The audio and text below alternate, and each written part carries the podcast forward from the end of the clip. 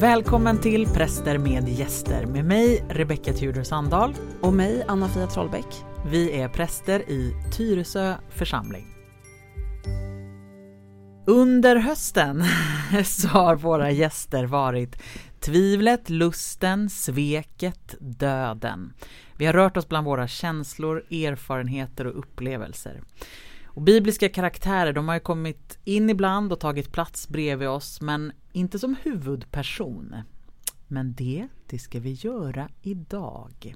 Hon har stått på vår lista länge men accepterat väntan.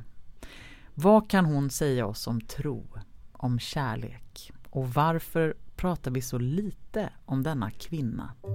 En av Jesus främsta apostlar. Äntligen är det dags för oss att bjuda in Maria Magdalena. Det är egentligen ganska konstigt att vi inte har bjudit in Maria Magdalena tidigare. Eller? Ja, alltså hon har ju då stått på listan. Men det har mm. inte varit rätt. Varför har det funnits ett motstånd att bjuda in henne? Jag vet inte. Nej. Alltså jag tror att det är rätt nu. Jag hoppas det. Jag mm. tror att det kan vara att det också känns lite liksom eh, det känns väldigt högtidligt att bjuda in Maria Magdalena. Ja och samtidigt så här Maria Magdalena, det var ju hon. Ja. Liksom. Alltså Men kanske, att, och kanske, ja precis och kanske också, eller jag kan nog få lite så här känsla av Fasen jag borde veta mer om henne. Mm. Jag kan för lite. Ja. Ja, men det är skönt för idag är ju du experten Anna-Fia. Ja, jag är verkligen ja. expert. Vi har tagit in mm. experten Anna-Fia Trollbäck. Forskare Precis. och eh, docent på Maria Magdalena universitetet. Exakt. Mm. Ja, Nej, men eh, hon kallas ju också Maria, Maria från Magdala ibland. Ja, mm. exakt. Och alltså en av Jesu främsta eh, apostlar, lärjungar. Mm. mm. Precis. Låt oss säga någonting kort om henne. Ja, det ska vi för att liksom eh, sätta, ge henne en bakgrund ja. och eh, vem hon var. Ja men precis, så eh, låt oss höra. Maria Magdalena finns eh, nämnd i alla fyra evangelier. Eh, och hon var en av lärjungarna som fanns i Jesus närmaste krets. Hon är en av dem som följer Jesus på Golgatavandringen och hon fanns med under korsfästelsen och gravläggningen av honom. Hon och två stycken andra Marior går till graven men hon är den som är den första personen som Jesus visar sig för som uppstånden. Och det står i Markus evangeliet. Ehm, det finns då många tidiga legender om henne och hon finns nämnd i flera av de här evangelierna som kallas för gnostiska evangelier som ju inte är en del av, den, av vår bibel då, som inte kom med. De blev eh, bortvalda. De blev bortvalda, precis. Idoljuryn sa nej. ja, exakt.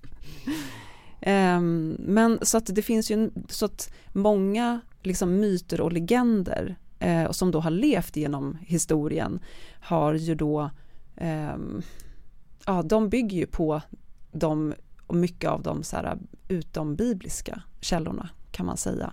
Och hon är också ett stort motiv inom konsten. Mm. Ett jättestort motiv inom konsten. Och de bilderna av henne kommer också från de här legenderna mm. om henne mycket. Um, ja, mm. Vad känns det okej?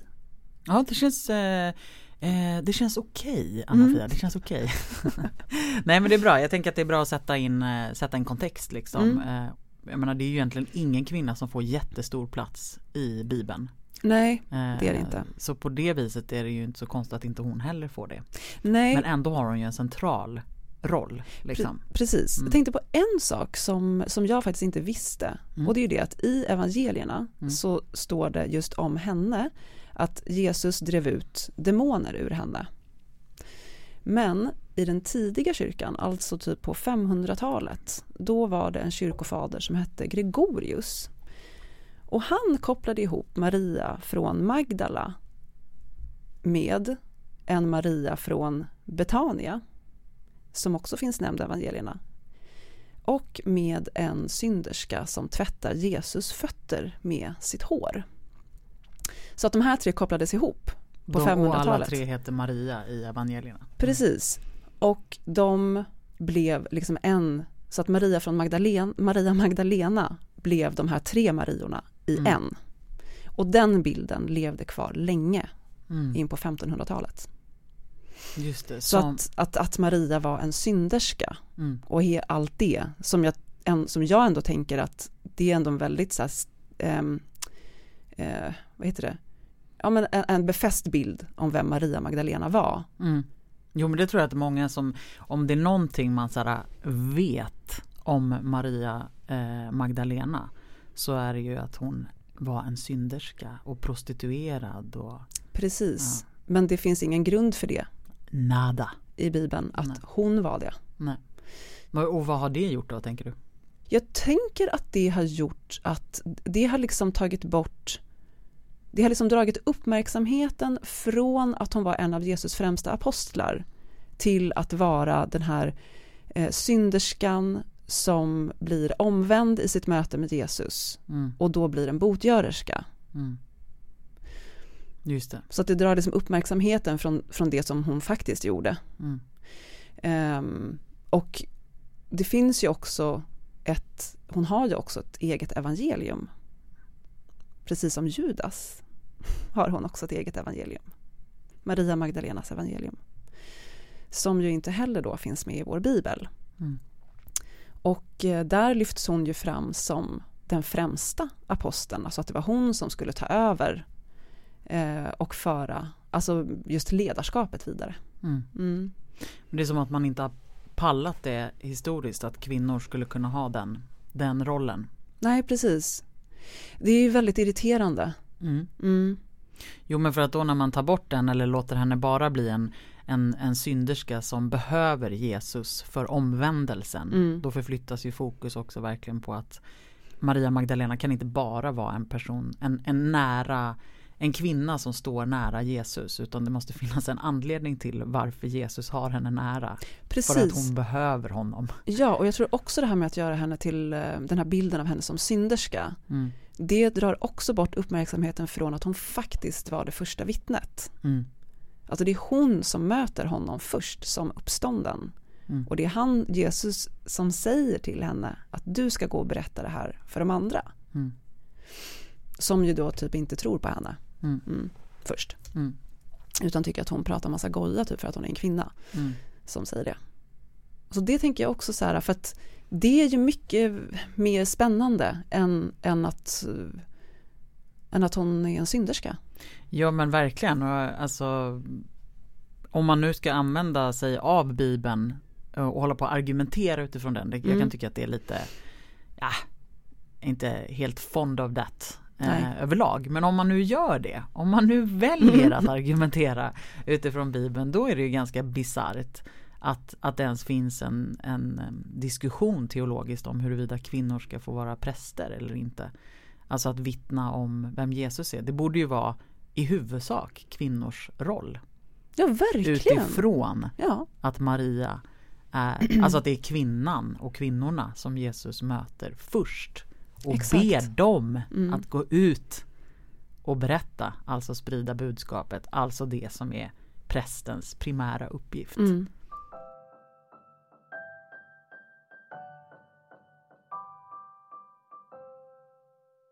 För nu står vi ju ändå i en tradition som har, som har ganska tydlig tydligt sanningsanspråk ibland. Mm. Och det här är liksom, eh, man, nu har du också läst Marias, Maria Magdalenas evangelium. Som inte är en del av liksom The Holy Script. The Holy Script. The Holy Script. The Holy Script, Bibeln. Sa jag att jag är halvengelsk? Nej men vad händer med dig utifrån eh, som i din andlighet, i din eh, tro eller med relation till Gud eller? Men det, det är någonting som öppnas upp Mm, för mig. mm, Och eftersom att liksom vi har så få förebilder och vi har varit nekade så mycket Mm. under så lång tid så, så hjälper det här verkligen mig i min andlighet att förstå att så här, det är så mycket större än mig. Det är så mycket större än typ kyrkan själv. Mm. Det är så mycket större än vad som har bestämts på alla de här kyrkomötena genom årtusenden. Mm. Det finns någonting som är större och det eh, och även om det liksom nu finns liksom i ytterkanterna eller vad man ska säga, i periferin Mm. så är det Alltså det är jätteviktigt för mig att veta om att det finns där. Mm. Mm. Jag håller med om att det öppnar upp och att det är en känsla av att, att aldrig bli sån som säger så här är det. Nej, Det här är eller det här är det enda. Eller liksom. det är bara en väg och den ser ut på det här sättet. Nej, Det är liksom inte, nej det är, det är inte så. det är inte vår väg. Nej. Eh, Jag har ju också läst en bok om Maria Magdalena i konsten. Mm. Ehm, En eh, jättefin bok, den heter det. Maria, eh, bilden av Maria Magdalena. Mm. Eh, Och då blir det också tydligt eftersom att hon har varit som ett sånt populärt eh, avbildningsmotiv genom tiderna. Och legenderna om henne har också varit otroligt levande. Ehm, Det öppnar upp också någonting för mig. Mm.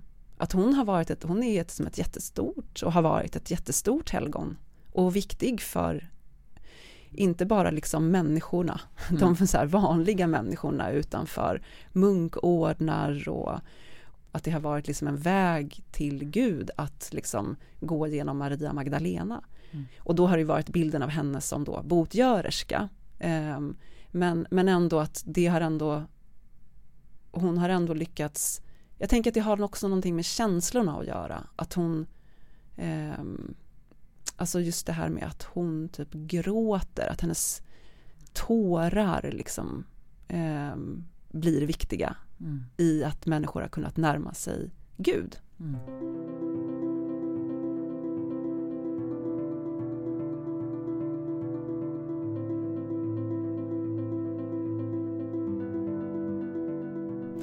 Och jag tänker också på alla de här, apropå att hon har avbildats eh, mycket i konsten och också gjort, jag tänker på de här lite mera, eh, eh, vad heter det, populär, eh, populärkultur. Eh, och eh, vad heter den, alltså musikalen eh, Jesus, Christ, Superstar. Mm. Där ju de har en, jag älskar den sången när Maria Magdalena sjunger. Vet du vilken jag menar Ja. eller? När Jesus sover. när Jesus sover, Ja. precis. I don't know how to love him, heter den inte det? Ja det heter den Mm. kanske. Eh, men också eh, i den fantastiska litteraturen Da Vinci-koden. Ja men nu kom vi till Da Vinci-koden. Jag undrar om du skulle ta upp det. Har du läst den? Ja. Den är superhärlig. Det var väldigt länge sedan som jag gjorde det. Jag läste den när den kom. ja, Det var ju kul. men där har ju Mm. hon också en, eh, en speciell roll. Ja, den här myten om, eh, om att hon och Jesus hade en kärleksrelation Ja, och, och fick att, barn. fick barn. Ja. och att det då finns liksom eh, att den ätten, att den släktlinjen liksom har Mm. funnits bevarad genom tiderna genom ett Exakt. hem- hemligt sällskap. Ja. Så underbart. Love it. Ja. Jag älskar den bilden. Men nej men och jag tänker också att den, just den, ehm, alltså bilden av deras kärlek Mm. känns ju också som, alltså Jesus, alltså att det har funnits en, en liksom, något annat än, än bara vänskap mellan Maria Magdalena och Jesus. ja, men precis. Och apropå att vi pratade om Höga Visan, Mm. eh, när vi pratade om lusten och att ehm, det här med att liksom att, att, den, att kärleken mellan två människor också är ett möte med Gud Mm. så känns det ju också som att det är lite synd att man liksom också flinar lite åt att de skulle haft en kärleksrelation. Mm. Det är också lite tråkigt Mm. för att vadå, det skulle väl vara fantastiskt Mm. om Gud själv så här, blev kär Mm. Eller? Ja, ja men absolut. och fick ett barn Mm. och så här, vad är problemet med det? Varför kan man inte vara gudomlig samtidigt som, Mm. vadå, Gud blev ju född? Mm. Eller? Mm. Jag fattar inte. Nej men absolut. Nej men jag tycker också att det är en, att eh, det är lätt att, det, att man bara som du säger skämtar bort det lite eller skratt, Mm. lite så här. Men eh, nej. Varför, var, varför kan det liksom, alltså också en bild av att det heliga är så, ehm, alltså det är så viktigt så att det är, går ju liksom inte att röra vid. Mm. Att det liksom inte har någon kropp alls. Fastän att Gud blir människa själv. Mm. Så visar väl ändå det att det gudomliga går att ta på. Verkligen är kropp. Ja. Mm. ja, men att kärlek, alltså kärleksbudskapet i kristendomen, att den, att det, det är liksom, det är väl ändå budskapet framför allt. Mm. Mm. Gud älskar, älskar sin skapelse så mycket Mm. att Gud själv väljer att bli människa. Mm. Och då måste väl ändå den människan också kunna älska Mm. En annan människa. Mm. Det tycker jag är, Absolut, jo men och, Tungt. Jo, nej men ja det är verkligen det för att annars är det ju som att så här, ja men gud är liksom helt och fullt människa fast bara till en viss gräns. ja, Men inte sexuell. nej. Då tar man ju ändå bort en ganska stor bit av vara- Jesus, ja, mm, Säg det. var Jesus kåt? Det hoppas jag. Ja, det hoppas jag med. Ja. ja, varför inte? Alltså det är väl mer troligt att han var det än att han inte var det. Ja, Om han nu var fullt ut människa. mm.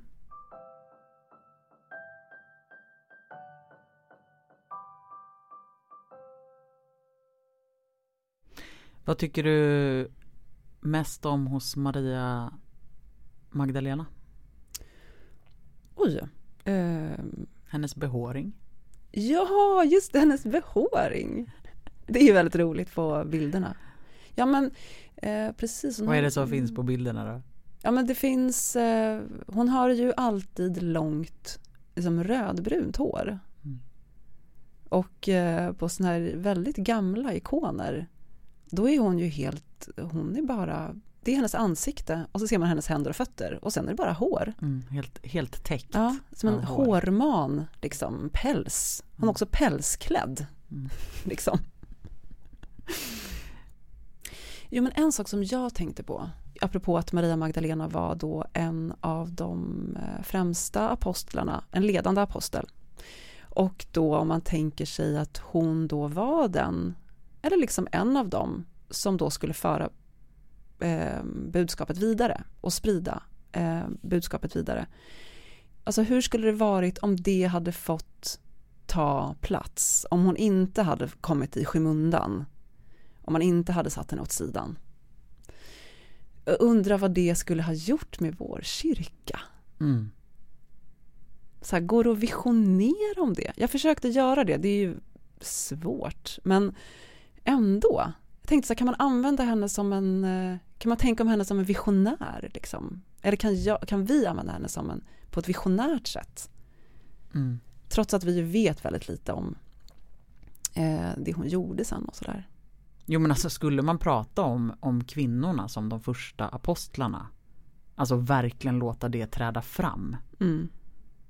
Så skulle vi kanske haft en kvinnlig påve Ja,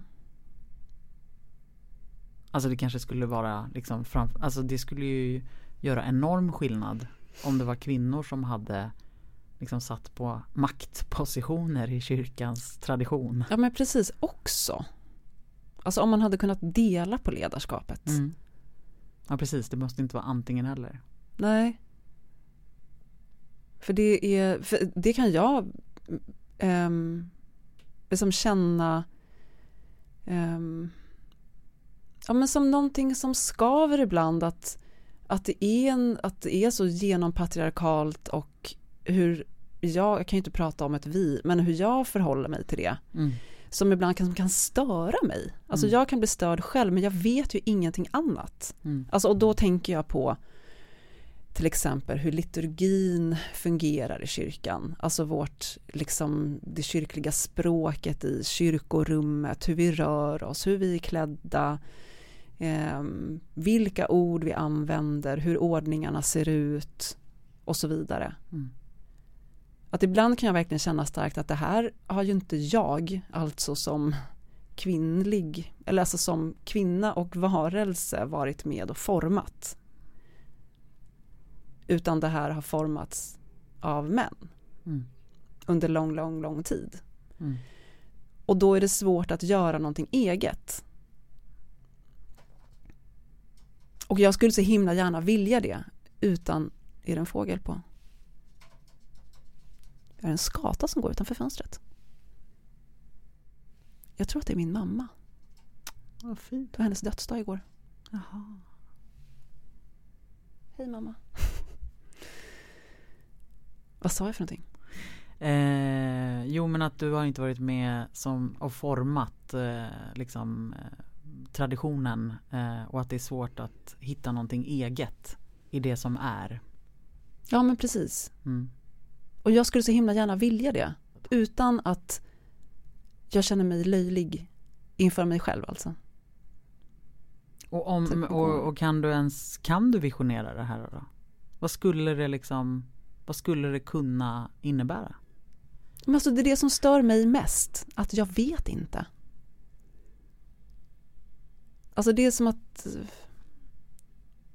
det är så genomsyrat av annat. Ja, Eller av den här liksom väldigt, för det genomsyrar ju inte ordningen. bara kyrkan. Eh, och jag tänker att det är också det som är lite häftigt att tänka för att eh, jag tänker hur mycket ändå kyrkans tradition och liksom har bäring på hela samhället. ja, Alltså genom tiderna. mm, Liksom. Och hur skulle hela hur skulle hela alltet mm, ha kunnat se ut ja, om det var ett omvänt perspektiv mm. eller åtminstone Ett likvärdigt. ett likvärdigt. Det som jag ändå tycker om och det som inspirerar mig mycket, det är ändå vetskapen om att det finns där, som jag sa förut, i periferin. Och det kanske liksom, alltså jag tänker typ inte att eh, man ska ändra om allting. Det kanske inte handlar om det. Men att låta det liksom få finnas utan det där flinet. Mm. Alltså att, att, att liksom att eh, ramarna bara kan få bli lite mjukare i kanterna kanske. Mm. Mm. Så att det kan sippra in annat. Gör vi inte det också då? Sipprar inte in genom oss liksom. Du är ju du. Mm. Och nu är ju inte, är ju inte kyrkan genomsyrad av, av bara män till exempel. Nej, så är det ju. Det är sant. Jag tänker också att det är så mm, att det tar tid. Mm. Mm. Jag menar det är ju inte länge sedan som ehm, kvinnor har ju fått vara präster i lite drygt 50 år. Mm. I ett 2000-årigt perspektiv så är det inte så lång tid. Nej det är ju, nej men precis så hur kommer, hur kommer allting se ut om si och så många år? Om Mm. jorden finns kvar liksom. Det vet vi inte. Nej.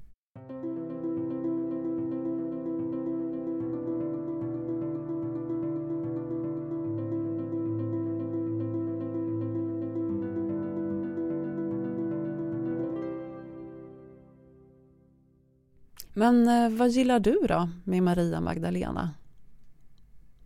Precis det vi har varit inne på egentligen. Kraften av att det är, en, en, att det är Maria som får uppdraget att liksom vara den första aposteln. Mm. Ehm, eh, alltså att det inte har fått en större betydelse eh, historiskt. Kvinnans roll. Mm. Att det är massa andra historier istället som har bara fått, oj, tungan liksom fått ett större värde Mm. än, än den. Mm. Men det är ändå liksom de mest centrala, centrala berättelserna i det- evangelierna. Liksom. Jag är nyfiken på att läsa Marianne Fredrikssons bok Enligt Maria Magdalena. Den har jag läst för jätte, jättelänge sedan. Ja, Jag kommer inte ihåg någonting. nej. Så jag kan inte säga något. Men jag tyckte om den. Ja, för den bygger ju också på liksom, hur hon skulle kunna ha, men det är ju förstås bara en, en fiktiv berättelse. Mm. Ehm, men det, det tyder ju ändå på att vi är inte direkt de första som, som intresserar sig för eh, Maria Magdalena och funderar mer på hennes roll och hennes liksom, ja, precis. vilken roll hon skulle kunna ha fått. Mm. Liksom. Eh, men jag har inte läst den. Men, Mm, det kan jag ändå rekommendera. Det var en Ja. stark läsupplevelse för mig, kommer jag ihåg. Mm. Mm. Mm. Sen gick det en film på bio, eh, typ 2018, som just heter. Maria Magdalena. Så den kan man också se. Den kan man också se. Mm. Den har ingen av oss sett. Nej. Nej. Men det är också, ro- alltså det är också roligt. Ja, att den liksom, och att den också kommer på biograferna. Ja, faktiskt. Men som sagt, jag vet ingenting om Nej. den. kanske är crap.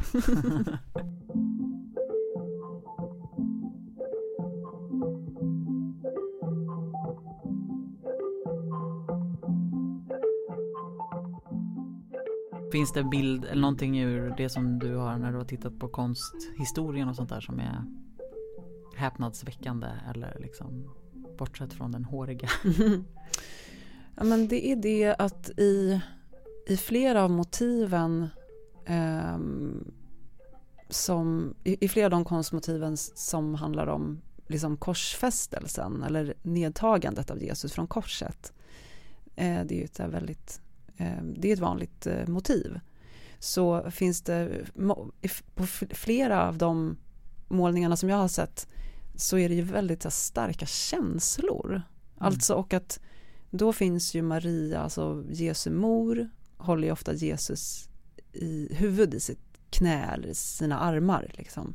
Medan Maria Magdalena finns vid hans fötter.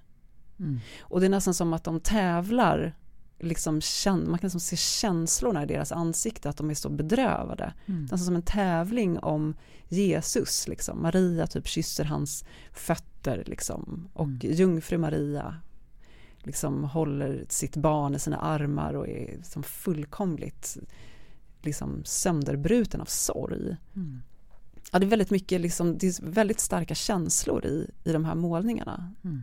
Det, eh, och just det att Maria Magdalena gråter, de gråter så mycket. Mm. Ja, men det, eh, ja, det har verkligen berört mig när jag tittat på de bilderna. Liksom. Mm. Att det, mm, och att det måste ju liksom handla om att också få, få såklart mig som tittar att, att känna, att Mm. vara där Mm. i den scenen.